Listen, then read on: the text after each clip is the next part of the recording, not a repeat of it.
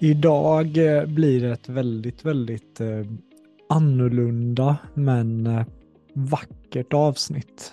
Jag var en mycket god vän med Jesper Karon och mitt sista samtal med Jesper så bokade jag in honom i miljonpodden. Och jag var så taggad på att få intervjua min vän Jesper om hans karriär, om hans glädje till livet, om hans energi. Han var en av de första faktiskt som öppnade upp dörren för mig in i den här branschen.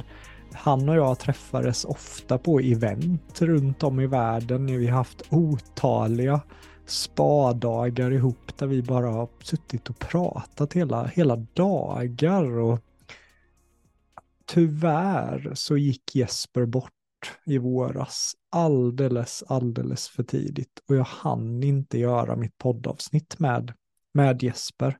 Så jag tänkte först att ja, men jag gör ett eget hyllningsavsnitt om Jesper och berättar vad, vad som har varit mina största lärdomar från Jesper. Och via, via sen vänner så kom jag i kontakt med Jespers fru Malin och Malin ville vara med i det här hyllningsavsnittet om, om Jesper. Och då kände jag bara wow, vad, vad fint att få göra det med, med Malin. Jag var faktiskt lite nervös inför den här intervjun och förberedelserna blev inte som jag hade tänkt så jag råkade slå ur min egna mikrofon och, och hela rubbet. Så med det sagt i början, håll till godo. För i början mitt ljud blev väldigt dåligt, men några minuter in i avsnittet så inser jag att micken inte, inte var på. Eh, så håll till godo i början och sen var beredd på ett avsnitt som jag kommer lyssna på det här avsnittet om och om och om igen. Det här avsnittet handlar inte om business, det handlar om, om livet, det handlar om att vara en riktigt bra människa. Det handlar om kärlek, det handlar om tacksamhet och ett av de finaste och mest meningsfulla poddavsnitten som, som jag har gjort. Jag tycker att Malin gjorde ett helt, helt otroligt jobb och visade sån styrka i, i det här avsnittet. Så med det sagt, varmt välkommen Malin Karon. Tack så mycket. Hur, eh, hur känns det att vara här i ett poddformat? Är det något du har gjort innan? Nej, det har jag aldrig, så att det är ju lite nytt. Känns lite läskigt kanske, men också väldigt härligt. Mm. Vad, eh, vad är ditt varför till att vara med och göra det här avsnittet, Malin? Eh, jag ser det väl på ett sätt som en bearbetning i allt som har hänt. Och ser det också som en hyllning till Jesper. Det är ju fint och jag tycker att det är väldigt härligt att prata om Jesper, för han var ju så himla fantastisk. Vad, eh, vad var mest fantastiskt med, med Jesper? Vad tycker du var mest fantastiskt? Allt. Nej, men, eh, all hans energi, allt driv eh, och allt som han bara gjorde, allt han älskade, alla hans känslor. Ja, det finns så mycket. Mm. Jesper pratade mycket om att alla, alla känslor är bra känslor. Vad, vad menade Jesper med, med det? Eh, han menar nog mer att man ska visa känslor. Känslor är alltid fint, det är aldrig fult att visa känslor och alla känslor man har är alltid liksom tillåtna.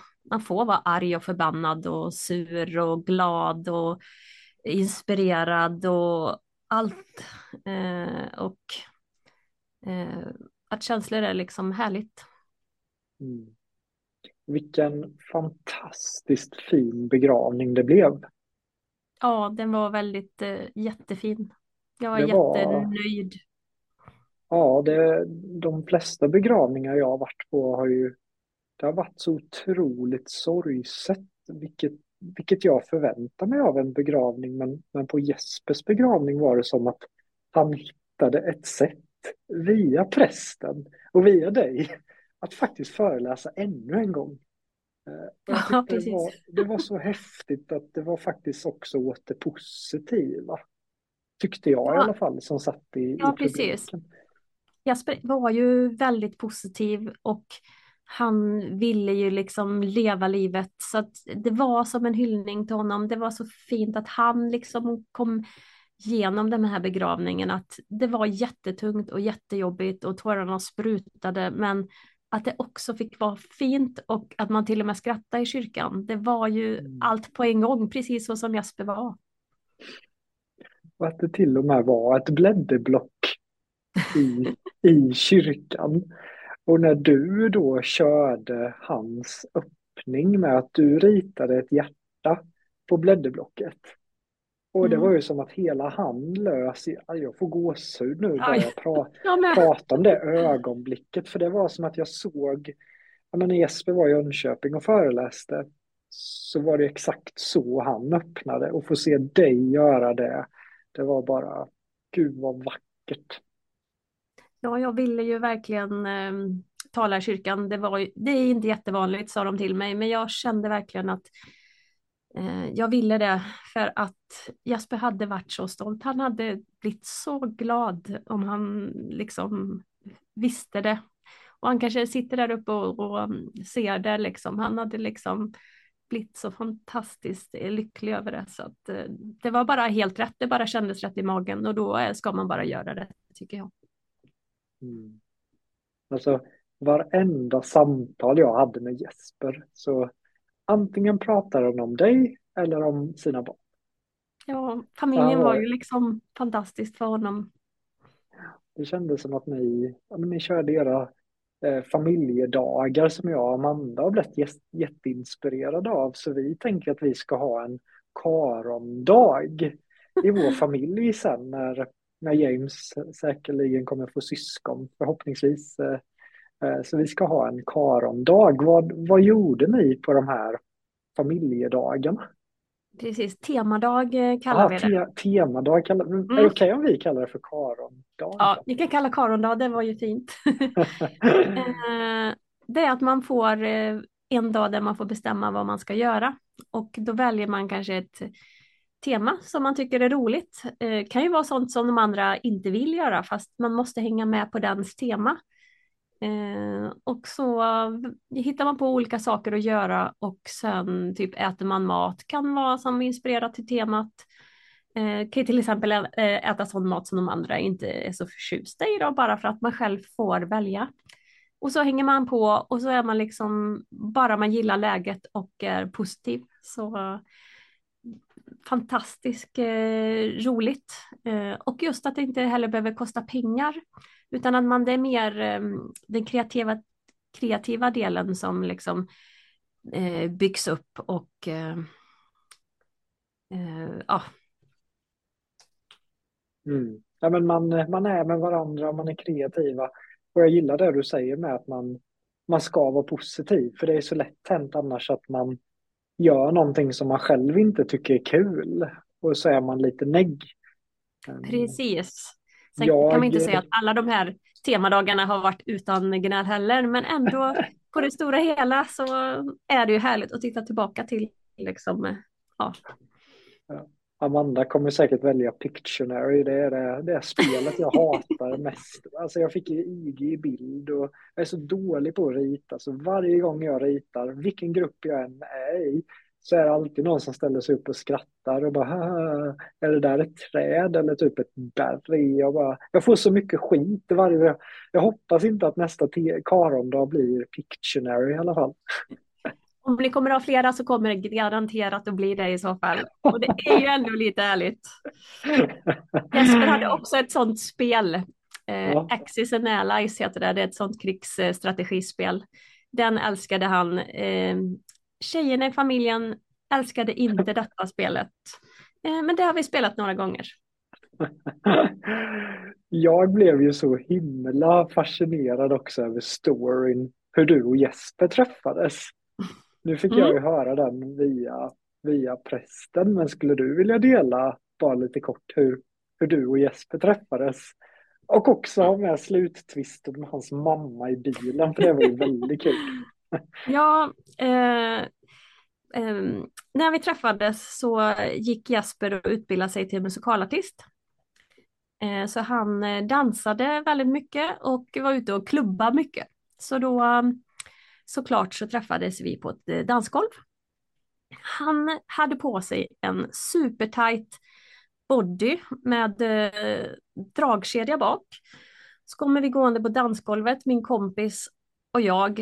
Eh, och då drar ner min kompis ner dragkedjan som sitter i ryggen på honom. Eh, och så vänder han sig om och så står jag där och jag bara, det var inte jag. Men eh, han bara, han, hans ögon bara liksom, det var bara jag. Så då, sen den kvällen så blev det vi kan man säga.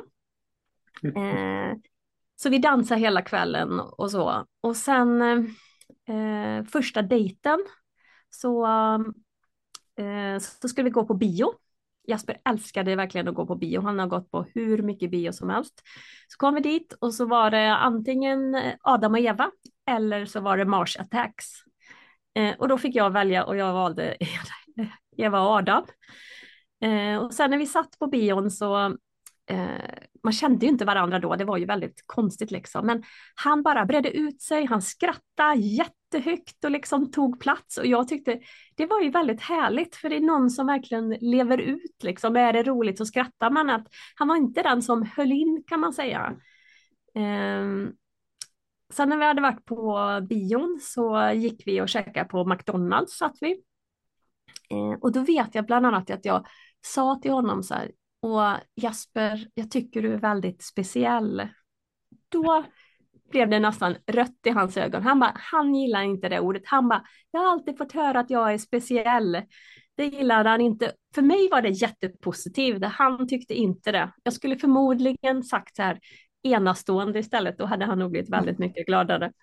Eh, men sen när vi hade suttit där så, eh, så skulle det liksom eh, vi gå hem Eh, till var och en.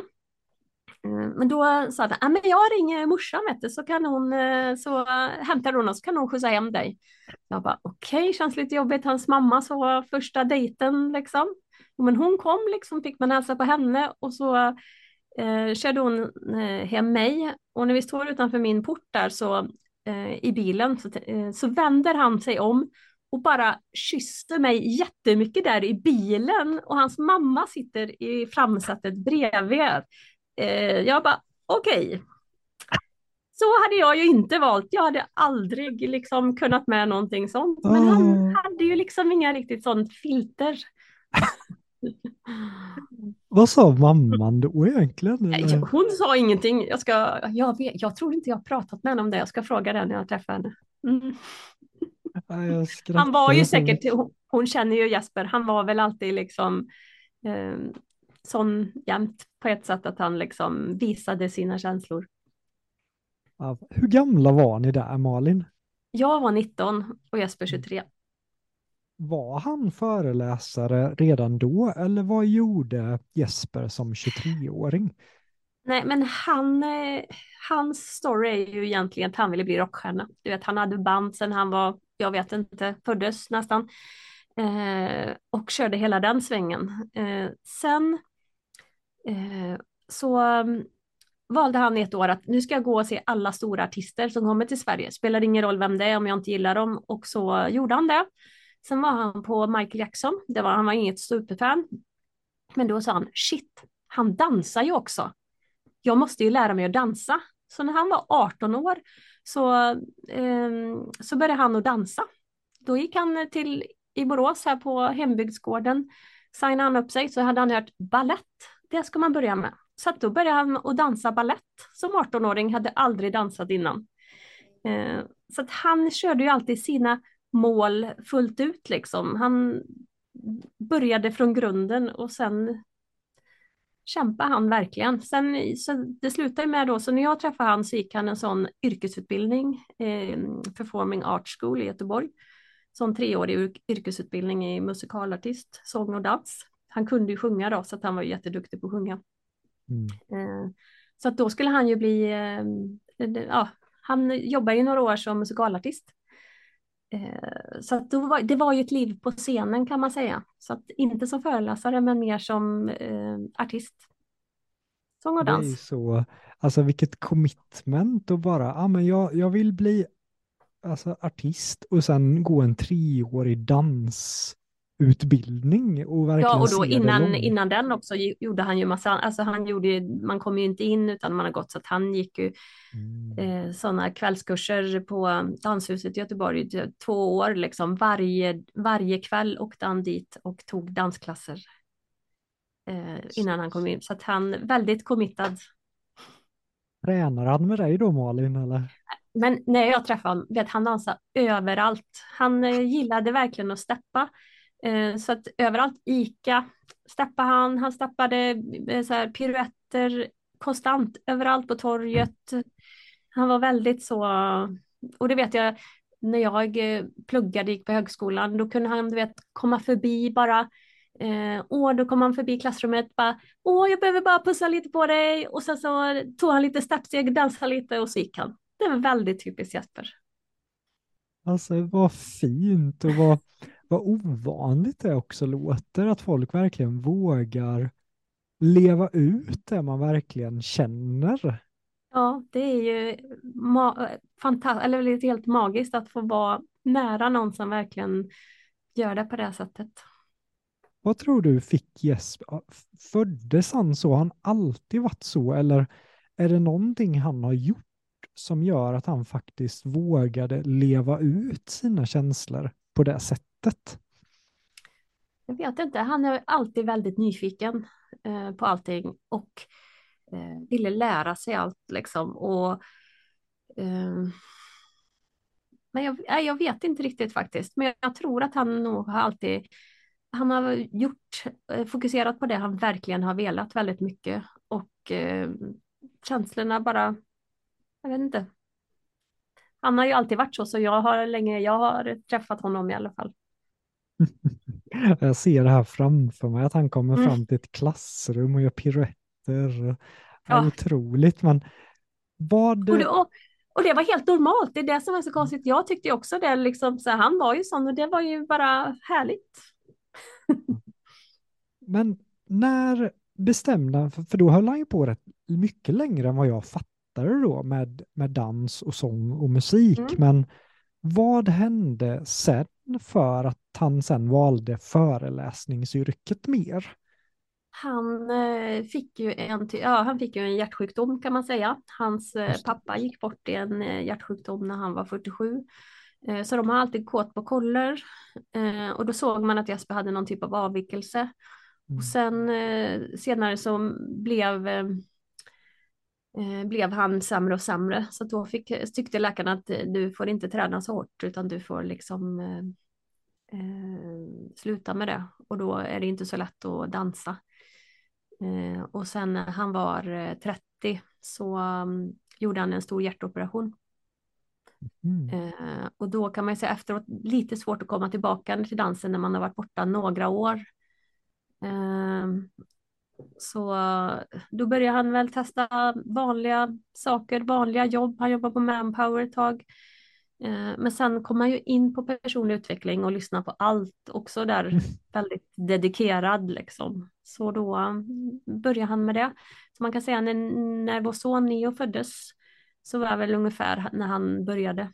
Så det är 17 år sedan. 17 år sedan, wow. Mm. Han var ju väldigt inne där med, med Tony Robbins har han sagt till mig att han, mm. han flög över och jag, och Jesper träffades i Florida på Date with Destiny 2019 också. Eh, och det var ju inte hans första Date with Destiny utan då var han där för att leta några detaljer som han hade mm. missat några år i och jag kände bara what? Vem är han egentligen? Sen samma sak, vi var ju på, jag har också varit med på Anthony Robbins i ja. Eh, London på de eh, UPW. Eh, så jag har väl, var väl där fyra eller fem gånger, han var säkert där sju, åtta. Bara det också. Mm. Han var väldigt eh, dedikerad på mycket. Ja.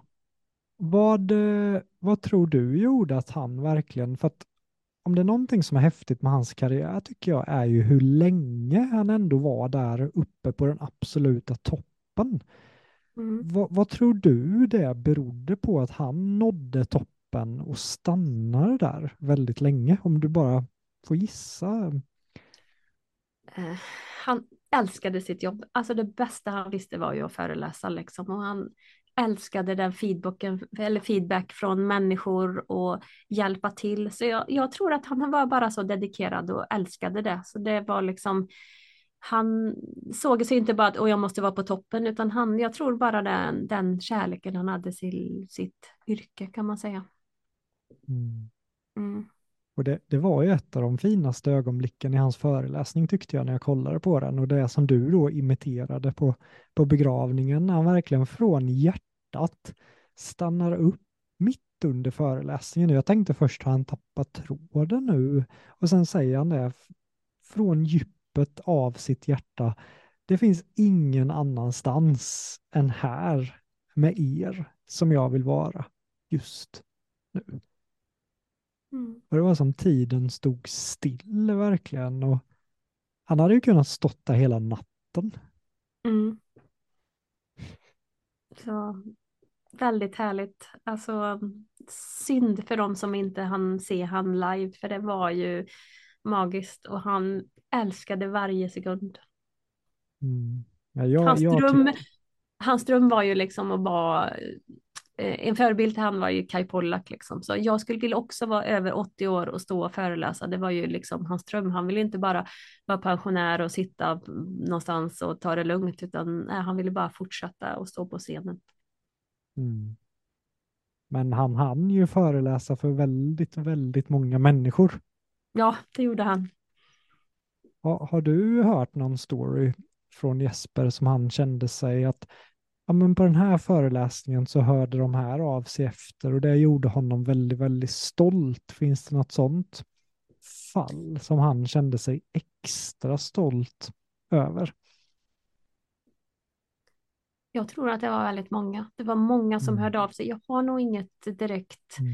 så jag kan komma på just nu, men just eh, av människor som har hört av sig, som har varit hos han kanske för tre år sedan och berättar att de har gjort en förändring som efter föreläsningen, eh, sådana blev han, det var ju liksom, eh, då vill jag ju verkligen fortsätta, det är där jag brinner för, så att det finns ju en hel del sådana människor som han har hjälpt att ändra. Mm. Mm. Ja men eh, verkligen. Och jag, jag är ju en av dem som jag tror inte jag hade varit där jag är idag om det inte vore för Jesper. Så att eh, det finns så många som, som har så mycket tacksamhet gentemot Mm. Jesper Karon. Mm, det har jag med. Jag säger det. Jag är så extremt tacksam för de 26 åren, eh, två månaderna, en dag och åtta timmar som vi fick tillsammans. Wow, du har till och med koll på Ja, och det har jag Ja. tagit av Jesper. För det var hans partytrick som jag kallar det. Mm. Eh, när du frågar han när som, åh, hur länge har du och Malin varit tillsammans? Så svarar han alltid på det sättet. Eh, så att, och han var så stolt över det. Och jag tycker att det var så himla fint och det visar så stor kärlek. Så att, eh, mm, Wow.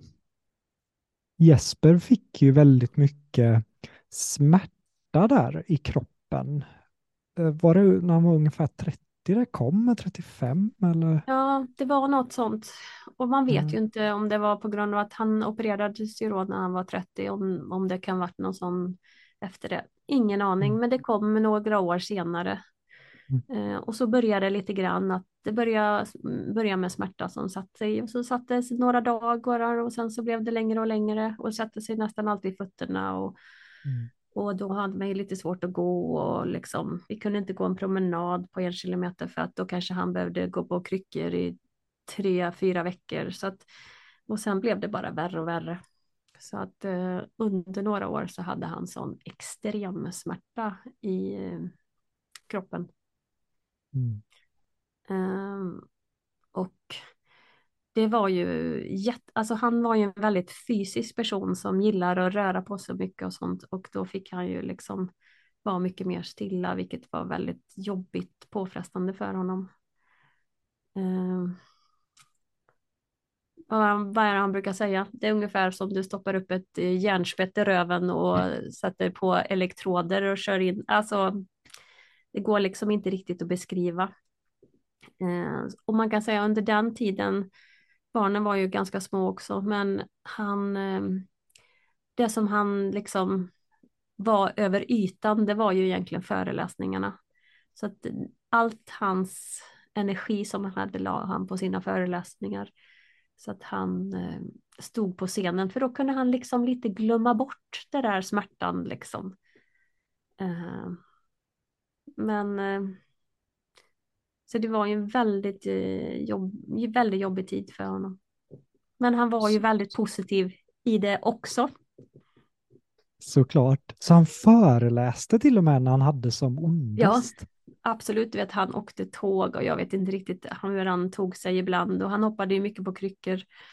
Och um, ja, men just den där Eh, jag har också pratat med hans, eh, med Erik Tyrell och Torkel Sköld, de där hans nära föreläsarvänner, att just den där tiden när de såg, herregud, hur ska det här gå liksom? Men så fort han kommer in där på scenen så är det nästan som att man bara eh, glömmer bort det för en stund. Så himla häftigt mm. alltså. Och, och det, det tyckte jag med var när du nämner Erik och och käre Torkild att eh, den vänskapen och så som de tre bara hjälper varandra och stöttar och har kul ihop att det är ganska sällsynt i Sverige att, eh, att se just den vänskapen i den här branschen. Mm. Så att eh, de två förtjänar ju verkligen, jag ser upp till de två jättemycket och jag har träffat trion. Mm. Känner du dem väl antar jag? Malin? Ja, jag har ju träffat dem ett antal gånger. Inte så himla mycket och, och vi bor ju väldigt långt ifrån varandra. Eh, mm. Men Jesper och Erik och Tolker hade ju kontakt dagligen liksom. Och föreläsaryrket är ju lite ensamt och man behöver prata med folk. Så de blev en sån supertrio. Helt olika personligheter skulle jag säga, men de var som fantastiska tillsammans. Mm. Och också kunna dela allt med varandra. Så att eh, det är nog lite konstigt att de inte är en riktig trio längre. Liksom. Det är lite tomt efter den här energisprutande mannen. Ja, jag fick upp bilder i mitt huvud nu från begravningen med när, när de två går fram. Eh, det var, det var väldigt tufft att se. Um, att få säga hej då till sin bästa polare på det där sättet. Nej, det var, det var känslosamt. Mm. Och de har ju också skickat till exempel eh, filmer. Jesper skickade ju inte sms och sånt. Det var ju så eh, tråkigt och man fick inte med allt. Han skickar ju alltid videohälsningar i, hela tiden. Eh, och eh, och det har de också skickat de sista han skickade. Och det är så fint att se sista veckan när han ändå var iväg. Så vet, då var det ju precis som vanligt att, det, mm. att han hela vägen levde livet och hade det gött. Liksom. Ja, för att han, han var väl inte sjuk överhuvudtaget, Nej, utan det bara, det bara kom. Ja, så att eh, eh, det gjorde det. Han kände en smärta i hjärtat och så mm, blev han inlagd eh, på lördagen och så på eh, onsdagen så, eh, så gick han bort. Mm. Hur, eh, hur har det varit för dig från, från det och perioden efter det? Jag har svårt att sätta mig in i, i dina skor. Hur, hur mår du? Eh, jag mår väl eh, väldigt upp och ner. Allt är mm. väldigt upp och ner och väldigt konstigt. Och, och man förstår ju verkligen inte ibland att det har hänt. Liksom man, eh, det som eh, Noomi, vår dotter, sa att eh, man tror bara att, att han ska öppna dörren och bara mm. ropa familjen, jag är hemma, som han alltid gjorde när han var iväg. Liksom. Eh, så det, det var ju som en stor chock liksom alltihopa och, och, och han eh, eh, han dog ju för aortan sprack och han ringde mig precis när det hände. Det är ju så typiskt Jesper liksom att han vill alltid ha familjen nära liksom så att han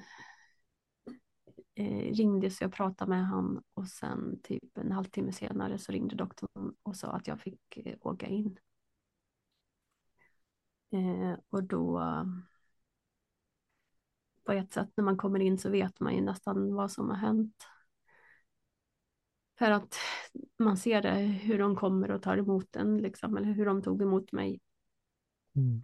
Och, alltså det, är så, det går liksom inte riktigt att beskriva. Um, så efteråt också, man är ju, det är som en dröm och man, och jag satt bara helt upp och ner och man orkar liksom inte göra någonting. Man, det är jobbigt att andas. Man, mm. Men ja, som jag säger, solen går upp varje dag i alla fall. Mm. Tack för att du delar Malin. Och... Ja, herregud. Mm.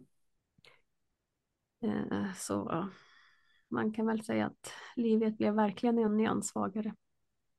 Mm. Har du som, eh, har du några tankar på att, eh, eller vad är din dröm, Malin? Min dröm är att vara lycklig och ha roligt. Mm. Man ska leva livet medan man kan. Man vet aldrig hur kort det är. Så det är ändå min dröm. Jag eh, tycker att du ska ta vid Jesper och börja föreläsa efter att ha sett dig på begravningen. Du vet, jag, ja. vissa människor har ju en form av, de kan se, min pappa han kan fixa vilken gräsklippare, han, han ser saker och jag ser när jag ser någon som har en väldig förmåga att få med sig publiker och kunna tala och det såg jag dig under begravningen. Mm. Ja, det är kanske en liten eh, dröm som ändå är ju härligt och kittlande, särskilt när det finns saker man pratar om som fin, ligger väldigt nära hjärtat. Och det var lite som Jesper gjorde. Och gör man det så känner jag bara, det är ju magiskt. Mm. Så gör man det på det sättet som man själv vill så känns det väldigt härligt. Och så jag gjorde på begravningen och hur jag pratade så gjorde jag bara precis det jag själv ville och det som kändes rätt i magen. Och då, då njuter jag verkligen också. Nu strålar du till lite när du pratar om att stå på scenen och, och jag kan säga det Malin att jag, ja men du har i alla fall min fulla support vad du än behöver från mitt håll. Eh, om det är att lära sig att bygga en föreläsning eller vad det nu än är så ställer jag upp 100 procent. Så mycket Jonathan. Jag, eh, jag vaknade upp mitt i natten för ett tag sedan och såg en bild i huvudet. Eh, och det var, du vet den här affischen Jesper brukar ha, det är ett ansikte på honom och så är det alla städer han ska till på sina mm. turnéer. Mm. Och, och där såg jag ansikte och så ser man lite av Jespers ansikte, men att det är du som kör de framtida turnéerna. Mm. Det vet man inte. Framtiden eh, får se vad den har att ge. Mm. Nej, men det, mm, ja, man, får köra, man får göra det man mår bra av. Och verkligen... Ja, det ska man verkligen göra. Ja. Vad, eh, jag tror det är många par som, som tar varandra för, för givet i vardagens hjulspår och man kör på. Vad, vad vill du säga till de paren? Ja, det är väldigt enkelt att man bara kör på och man ska ta allt sen. Men eh, det är så viktigt att man stannar upp och, och, eller, och eh, tar vara på varandra och att man verkligen tar tid. Det behöver inte vara en så här jättestor tid, men att man är verkligen innerlig i det man gör och att man också ser varandra. Eh, när vi gifte oss bland annat så fick jag en extra ring och Jasper fick en ring eh, där vi har orden eh, tro, kapacitet och disciplin i. Mm. Eh, och det var en ring som vi fick, eller vi gav varandra för att man aldrig ska sluta utvecklas. Det är så lätt att man gifter sig och så rullar livet på och sen helt plötsligt är man bara lost i varandra eller att man går olika vägar. Eh, men det var en ring som vi verkligen skulle tänka på att vi ska alltid fortsätta utvecklas tillsammans. Ehm, och det tycker jag att vi har gjort, att vi verkligen ehm, gav varandra, man gav varandra tid eh, för sig och att man gör tid tillsammans och att man tar tiden man har och verkligen använder den till något bra. Mm. Fint eh, budskap och jag kan ju tänka mig att du har ju hört hans föreläsning så, så många gånger och vad är det budskapet som Jesper ofta förmedlade på scenen som du tycker klingade absolut bäst, som du tycker andra bör ta åt sig av? Mm, svår fråga.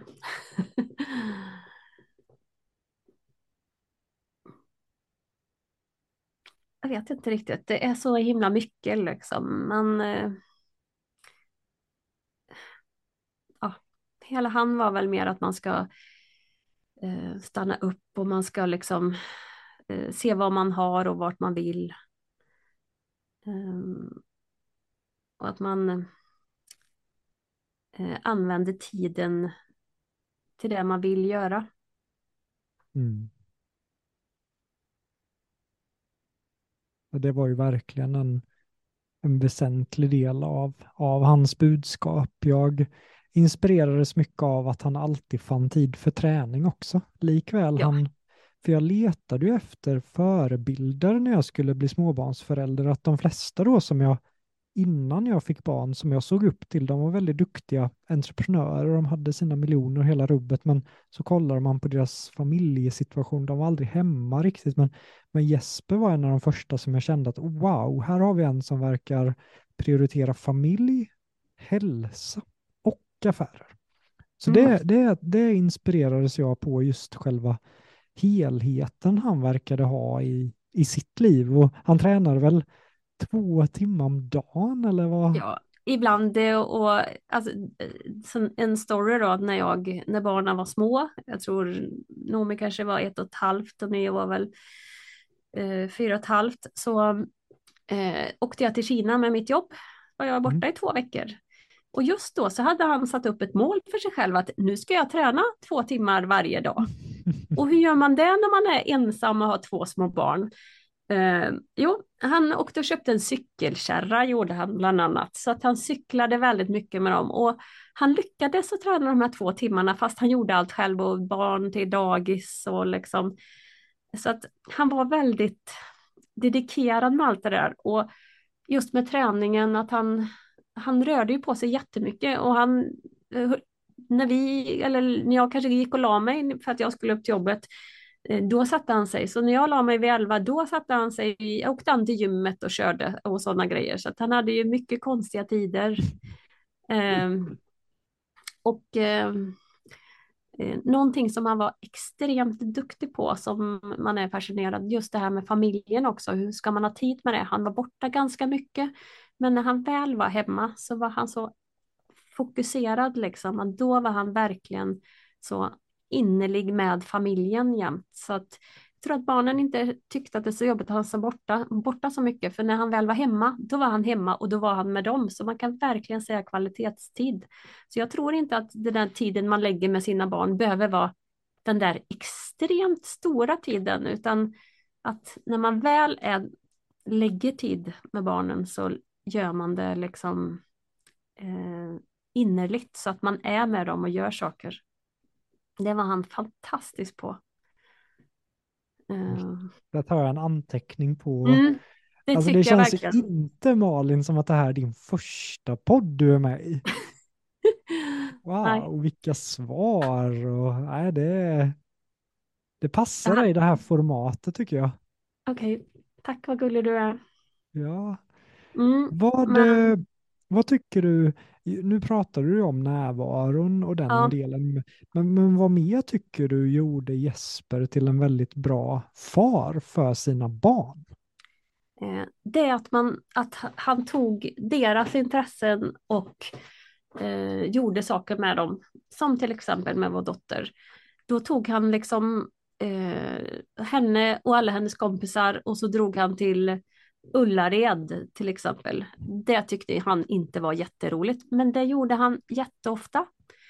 Eh, han eh, eh han tog Nio, då åkte de två till USA och åkte berg och dalbanor. En annan jättestor, eh, liksom, eh, vad ska man säga, en, eh, intresse som han hade. Så de har ju varit och gjort jättemycket sånt. Så att han tog verkligen saker som de gillade och så gjorde han det med dem.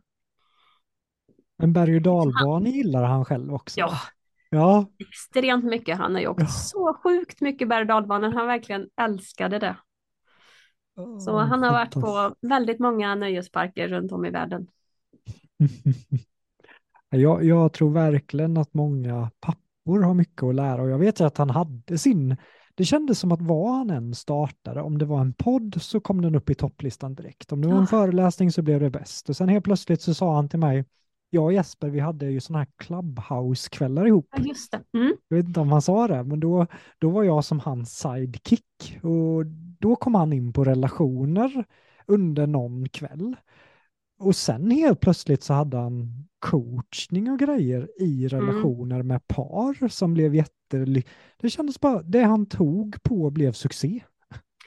Eh, ja, och på ett sätt låter det ju så härligt och lätt, men man kan också säga att det låg så extremt mycket jobb bakom det. Det var inte så att ja, nu tar man lite lätt på det, utan då Mm. läste han allt och han satte sig in i allt så att han, han jobbade så sjukt hårt för allt eh, som han tog sig an, så att han tog sig inte så här lättvindigt på saker och ting. Eh, man kan ju tro det ibland, så gjorde han det, utan han, Mm. ja, han la verkligen sin själ i det. Så att nu efteråt när, jag, när han gick bort så har jag funderat ibland på hur många timmar hade han om dagen. Alltså, det är väldigt galet när man väl sätter sig in i hans firma och alla saker där så blir man bara så här, hur mycket tid hade han? Det är Mm. helt otroligt liksom. Så att, och eh, just han har alltid gjort allting själv också. Han har inte haft så mycket andra som han har jobbat med utan han har alltid gjort allt. Mm. Sa Eh, han till dig att jag pushade honom lite där Malin? I att ta in hjälp? Ja men, han, ja men precis, för det har han ju verkligen. Man kan ju inte, om ska man växa och göra saker så man kan ju inte göra allt själv för det, man har ju inte så mycket tid. Men han tog ju verkligen ditt råd där så i slutet så hade han ju två tjejer som har jobbat åt honom. Eh, vilket han tyckte var fantastiskt. Mm. Nej, det var så kul för att hela vår relation i början var ju verkligen att han hjälpte mig, men desto mer jag såg att han, han gör sina designbilder, han bygger, han har systemen, han har biljettsystem och han står vid ticketgrejen och jag bara, är det här, alltså nej, du måste ju ta in i det här funkar ju inte Jesper, skrattar han. Och det verkar ändå som att han, han lyssnar på det lilla Ja, jag rådet jag det. kunde ge han Mm. då. Det tror jag. Han gillade Men- rådet också, det blev väldigt bra. Ja, men han eh, stängde ju, medan jag kan vara, det kan ta ganska lång tid för mig, för jag gillar ju goa miljöer. Jag kan ju sitta i ett spa och göra admin och grejer, men han stänger in sig i kontoret du sitter i nu. Mm. In, ingen musik, ingen distractions och sen är det bara fullt fokus och då kan det vara en timme och skriva massa inlägg som han sen schemaläggde på sin fantastiska Facebookgrupp och han kände så väldigt, väldigt disciplinerad tycker jag. Mm, men han gillade det. Det var nog egentligen för att, för att han skulle få det gjort så gjorde han ju lister hur han skulle göra liksom för att egentligen gillade ju han livet som föreläsare och alltså inte den här administrativa delen. Men den kom Mm. också. Han var extremt ordningsam och lister och sånt också. Men det var ju inte riktigt hans kall, så att han fick kämpa med det mycket. Vilken eh, föreläsning var han mest stolt över, tror du? Jag förstår att du, men jag vet ju att han har varit på NASA och allt möjligt. Är, är det någon föreläsning som, som stack ut, kände du?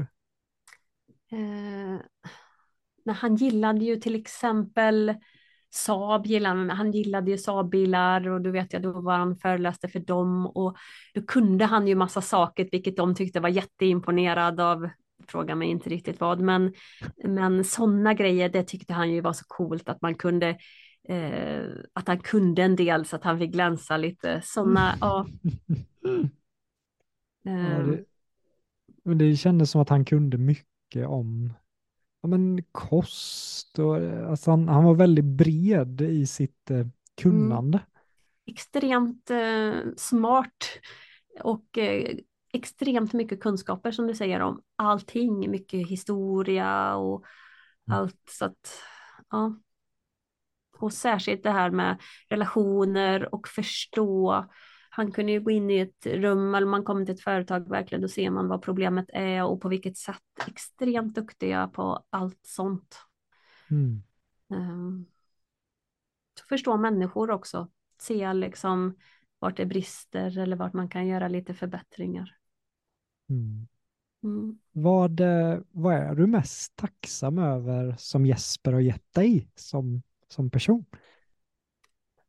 Uh, jag tror nog just den här, eh, bara den här glädjen och att han var också väldigt fri från allting. Han hade inte massa ramar och sådana grejer utan att man bara levde och det spelade inte så stor roll att man bry, behöver inte bry sig om vissa saker särskilt mycket.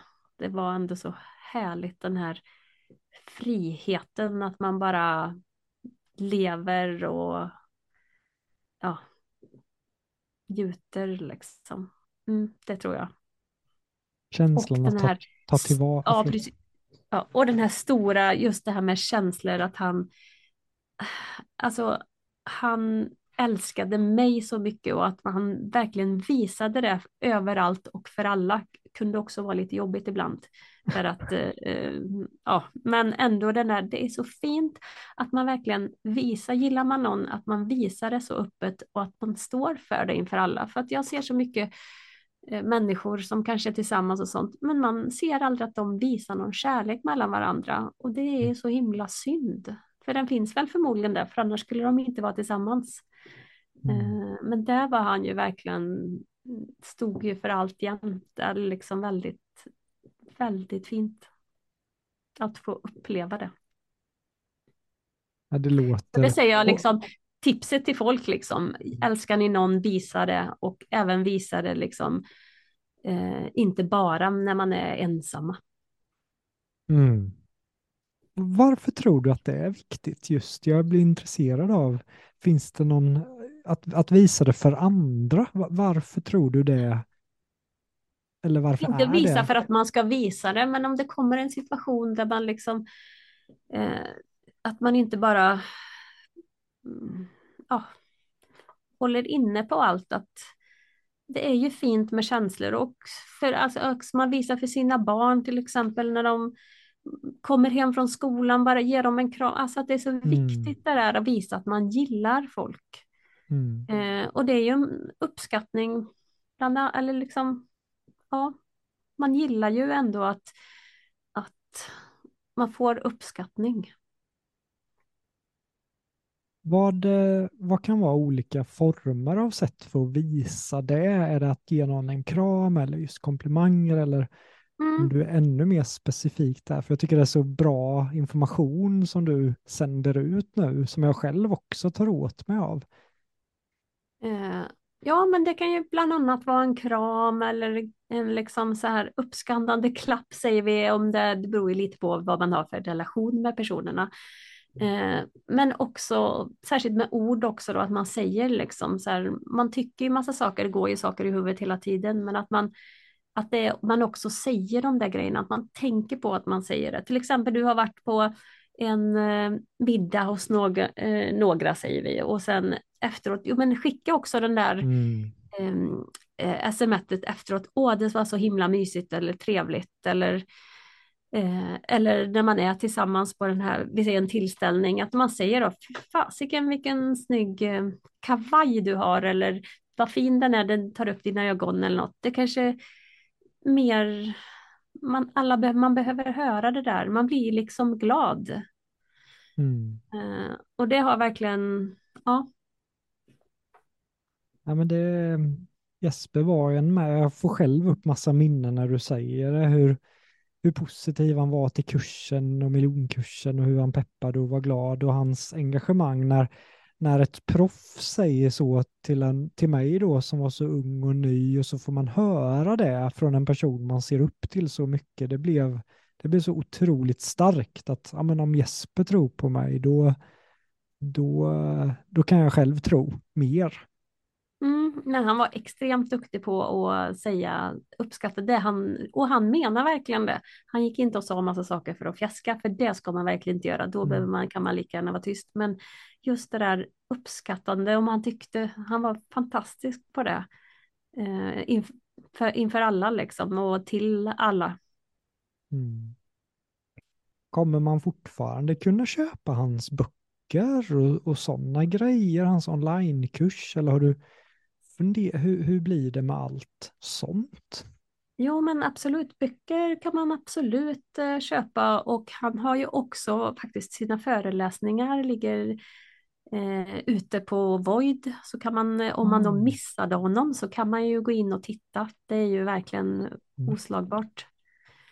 Ja, det, eh. jag har ju alla hans böcker här uppe i biblioteket så jag sitter för James här och läser hans eh, quote, den här hundra quotes som han har kommit på.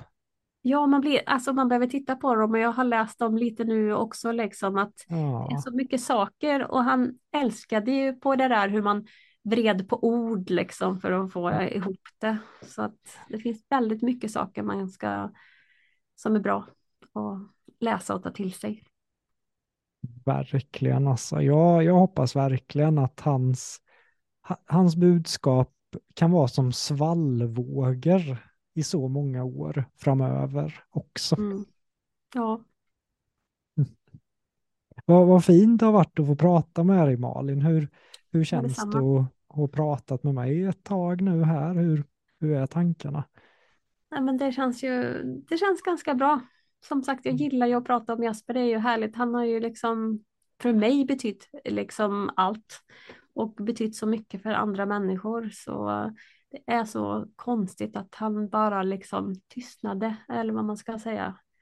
Mm. Um, så att det är så fint att han lever vidare och i allt som han har gjort och allt han har påverkat eh, människor. Man får ju det fortfarande, folk skriver så himla fint. Alla människor är så fina tycker jag och, eh, och han har verkligen berört så många människor eh, man träffar har alltid någon typ av koppling att han har berört dem väldigt mycket.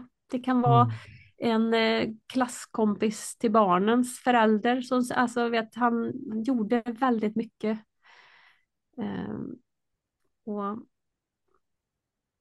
det är fint och det är fint att bli påmind. Man glömmer ju själv vissa grejer liksom, eller kopplingen som han har haft med andra. Det, man blir väldigt lycklig när man hör det fina, för alla har något fint att säga. Mm. Ja, det är inspirerande och, och du har ju såklart varit en stor del att han har kunnat också fart runt i Sverige så ni har ju verkligen tillsammans hjälpt tusen, tusen, tusentals människor och kommer fortsätta göra det via böcker och via inspelade föreläsningar och jag hoppas ju att andra tar in dig i sina poddar också Malin. Mm. Ja, vi var ju verkligen ett team, jag och Jasper. Mm. Är det någonting mer du vill säga nu om Jesper som jag inte har frågat dig om Malin? Mm. Eh, nej. mm. nej. Kommer inte på något just nu. Jag tycker att uh, det här blev ett väldigt vackert avsnitt och jag kommer säkerligen tänka på Jesper hela kvällen här idag och ja, det väcktes upp mycket minnen av att prata om honom och igen är jag jättetacksam över att du ville vara med på det här avsnittet, för jag hade ju tänkt sitta själv. Och så hade jag tio grejer och sa att ah, men det här tar jag med mig från Jesper, men det här kändes väldigt häftigt att du ville vara med. Ja, det känns ju ändå skönt. Jag gillar ju jag gillar att prata om Jesper. Jesper är ju liksom en så stor del av mitt liv som har påverkat mig så mycket och jag är så himla tacksam för den tiden vi fick tillsammans. Mm. Även om det är jättetungt och det känns skitjobbigt. Men eh, han lever också kvar i våra fina barn och man märker ju att det finns ju liksom delar där som de verkligen speglar honom så himla mycket, både utseende och saker de gör och säger. Eh, och han har påverkat dem så mycket så att det är så himla fint. Ja, men när Nio var här inne i studion, jag var wow, jag har ju inte sett honom på ett tag, men han är ju väldigt lik Jesper, tyckte jag. Ja, men ja, precis det är han. Det är häftigt. Ska, kommer ni också bli föreläsare eller vad har han för?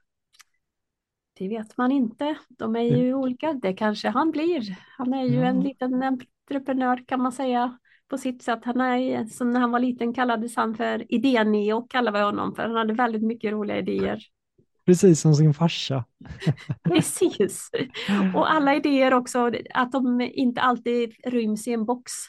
Mm. Utan att, eh, som jag sa också, Jesper, eh, han var liksom, tänkte inte utanför boxen, för i hans värld fanns det liksom ingen box. Mm. Det var bara öppet. Fantastiskt Malin. Stort tack för att du har varit med i, i Miljonpodden och tack för att du har lyssnat på på oss. Skriv gärna till mig eller Malin vad du tyckte om, om det här avsnittet och om du har något minne från, från Jesper som, som du vill dela med dig av.